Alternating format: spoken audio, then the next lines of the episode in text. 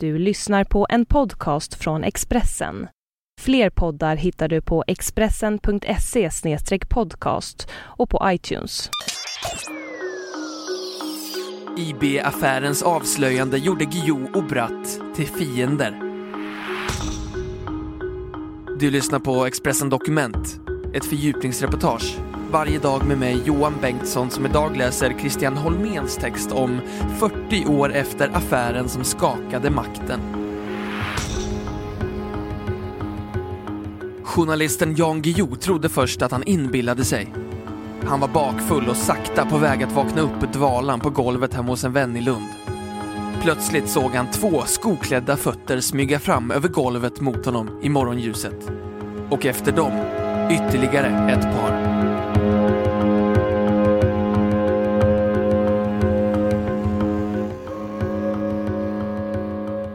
I sin memoarbok Ordets makt och vanmakt har Jan Guillou skildrat hur han för ett ögonblick övervägde att försöka fly genom att kasta sig ut genom glasrutan.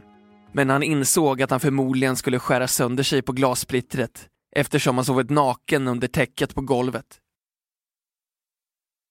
Han kunde inte tänka sig att de var poliser. Han och kollegan Bratt hade ju friats från alla misstankar. Jan Guillou skriver i sina memoarer att han var övertygad om att de skobeklädda smygande fötterna måste tillhöra israeler. Och att han därmed inte hade en lång stund kvar att leva. Han bestämmer sig för att göra ett försök att överrumpla männen. Han kastar sig upp, siktar mot halsen på den närmaste av dem, men hinner uppfatta att någonting är fel. Kanske att de ser så svenska ut med halsduk och allt. Han skriver att han håller inne med slaget och frågar Är ni poliser? De nickar och tar fram sina legitimationer. När han leds ut på gatan ser Jan Guillou andra poliser beväpnade med så kallade förstärkningsvapen, k-pistar.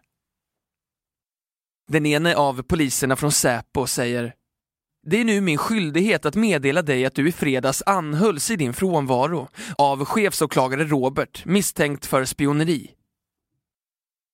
Långt därifrån i Stockholm har samtidigt Peter Bratt och de två journalisternas huvudkälla, Håkan Isaksson, också gripits och förts till varsin cell. Det är idag, för exakt 40 år sedan, den 3 maj 1973, som Jan Guillou och Peter Bratt publicerade de allra första artiklarna om det som skulle bli känt som IB-affären. Den största politiska skandalen i svensk historia. En skandal som sände chockvågor genom hela det politiska Sverige. Genom Försvarsmakten och säkerhetsorganen. Och som med tiden skulle leda till att Socialdemokraterna förlorade sin mångåriga maktställning. IB står för Informationsbyrån, eller möjligen för Inhämtning Birger, efter dess legendariska chef Birger Elmer, som med åren kom att bli en god vän med sin avslöjare Jan Guillou. IB var ett hemligt militärt underrättelse och kontraspionageorgan, direkt underställt ÖB, överbefälhavaren. Det var så hemligt att inte ens riksdagens försvarsutskott kände till dess existens.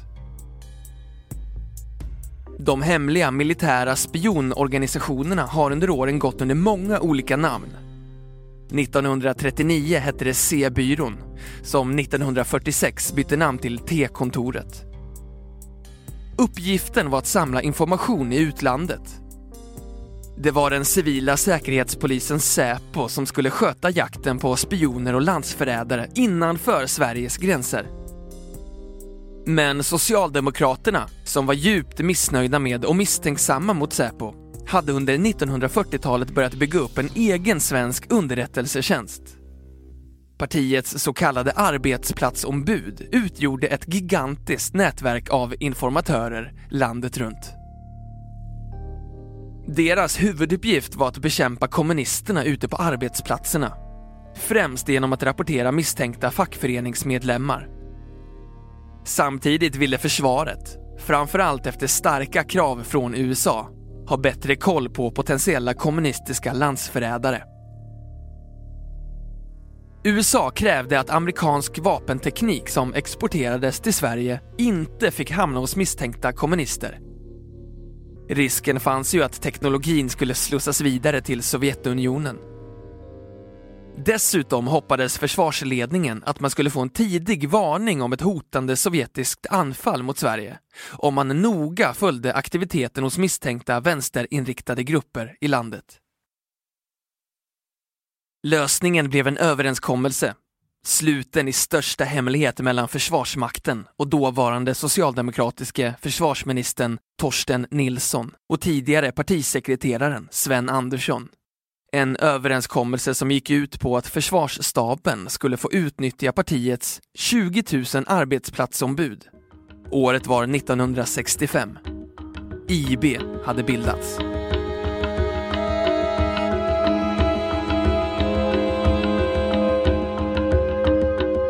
Expressen Dokument, en podcast från Expressen.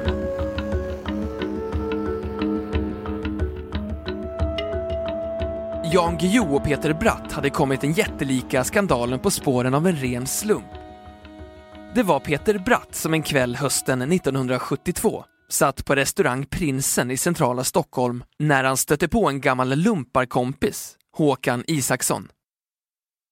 Både Bratt och Isaksson har berättat om den här kvällen. Isaksson drack mycket. Han verkade bitter. Han berättade om det hemliga jobb som han precis fått sparken ifrån efter misstankar om stöld. Isaksson hade i själva verket arbetat inom IB ända sedan 1968. Han kunde organisationen och han hade ingenting emot att berätta för Bratt och Guillou vad han visste. Och det var inte lite. Isaksson redogjorde under en lång rad möten där han sakta men säkert övertygade de båda journalisterna för att IB i själva verket inte bara sysslade med militärt underrättelsearbete utan att man spanade på och kartlade vänsterfolk och att organisationen sysslade med en omfattande åsiktsregistrering trots att det var uttryckligen förbjudet i lag. Han berättade också om ett omfattande, hemligt och till vissa delar olagligt samarbete mellan IB och utländska säkerhetstjänster. Isaksson lämnade bland annat detaljerade uppgifter om ledningen för IB och om att organisationen hade infiltratörer i alla de stora svenska vänsterorganisationerna. Bland annat inom Palestinarörelsen, där Jan Guillou själv var aktiv. Guillou och Bratt arbetade i flera månader med att kartlägga IB. De smygfotograferade IB-anställda. De lyckades genom en kontakt på posten få tillgång till några rapporter som IB-agenter på fältet skickade till ledningen i Stockholm. I deras första artiklar, som publicerades för idag exakt 40 år sedan, avslöjades för första gången att det fanns en tidigare okänd underrättelseorganisation i Sverige som hade satt i system att åsiktsregistrera vänstersympatisörer, som hade spioner utomlands, som hade gjort sig skyldig till inbrott på den egyptiska ambassaden i Stockholm och som hade ett långtgående och hemligt samarbete med utländska underrättelseorganisationer som amerikanska CIA och israeliska Shin Bet. Men reaktionen på det första avslöjandet blev främst att det offentliga Sverige slog tillbaka. Regeringen och Försvarsmakten dementerade allt. Försvarsminister Sven Andersson sa jag har en obehaglig känsla av att det här är Palestinaaktivister som är i farten med beskyllningar som är ägnade att skada vårt land. Man talar ju till och med i artikeln i den palestinska befrielserörelsens namn. En av artikelförfattarna är känd Palestinaaktivist. Överbefälhavaren Stig Synnergren förklarade Intressant är att textförfattaren, den franske medborgaren Jan Guillou, är aktivt verksam inom Palestinarörelsen i Sverige. Han har haft kontakt även i Sverige med välkända utländska terrorister. Terrorverksamhet har planlagts mot personer såväl i Sverige som utomlands. Svenska Dagbladet krävde på ledarplats att Guillou skulle landsförvisas och beskrev det som citat ett underbart utslag av den kända svenska flatheten att denne utlänning inte omedelbart ombeds återvända till sitt hemland. I den offentliga debatten blev intrycket att IB-avslöjarna slagits tillbaka. Tills nästa nummer av den lilla vänstertidskriften FIB Kulturfront som kom ut 14 dagar senare med tunga bekräftelser. Bland annat vittnesmål från en IB-spion som infiltrerat den svenska FNL-rörelsen och en sjökapten som rapporterat hem till IB om säkerheten i Alexandrias hamn. Dessutom hade man, tack vare Håkan Isaksson, detaljerade uppgifter om hur IB gjort inbrott hos vänsterorganisationer och privatpersoner och dessutom installerat avlyssningsutrustning vid ett tillfälle. Guillou och Bratt visste vad som väntade efter den första publiceringen. De hade taktiskt sparat den tunga bevisningen som visade hur IB verkligen varit djupt involverad i olaglig verksamhet. Guillou skriver i sin memoarbok Ordets makt och vanmakt. Även om vi till en början chockats av hårdheten, hatet och lögnaktigheten i statens motattack hade vi faktiskt vunnit till slut. Men varken han eller Peter Bratt hade räknat med hur hårt staten skulle slå tillbaka. I tingsrätten dömdes Jan Guillou, Peter Bratt och Håkan Isaksson efter månader av pressande förhör till ett års fängelse vardera för spioneri. Guillou överklagade. Hovrätten sänkte senare Guillous straff till tio månader. Han avtjänade sitt straff i fängelset i Österåker och i det nu nedlagda fängelset på Långholmen i Stockholm. Justitieombudsmannen utredde IB men kom fram till att ingen inom organisationen gjort sig skyldig till några brott. IB omorganiserades och blev från 74 en officiell del av Försvarsmakten. IB fanns kvar i mindre skala ända fram till 1978. 82 bytte organisationen namn till SSI, sektionen för särskild inhämtning.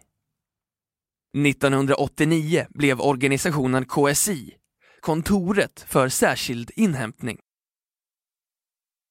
Guillou och Bratt blev under IB-processen osams och är sedan dess bittra fiender. Håkan Isaksson, på vars uppgifter hela skandalen byggde, avled den 23 april 2002.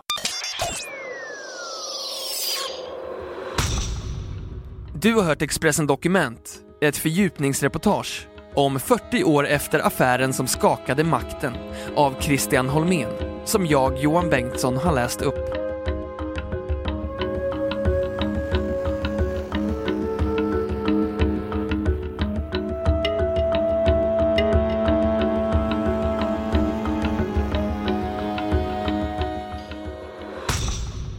Du har lyssnat på en podcast från Expressen. Ansvarig utgivare är Thomas Mattsson. Fler poddar finns på Expressen.se och på iTunes. Ett poddtips från Podplay. I podden Något Kaiko garanterar östgötarna Brutti och jag, Davva, dig en stor dos skratt. Där följer jag pladask för köttätandet igen. Man är lite som en jävla vampyr. Man har fått lite blodsmak och då måste man ha mer. Udda spaningar, fängslande anekdoter och en och annan arg rant. Jag måste ha mitt kaffe på morgonen för annars är jag ingen trevlig människa. Då är du ingen trevlig människa, punkt. Något Kaiko, hör du på Podplay. Därför är gardinerna.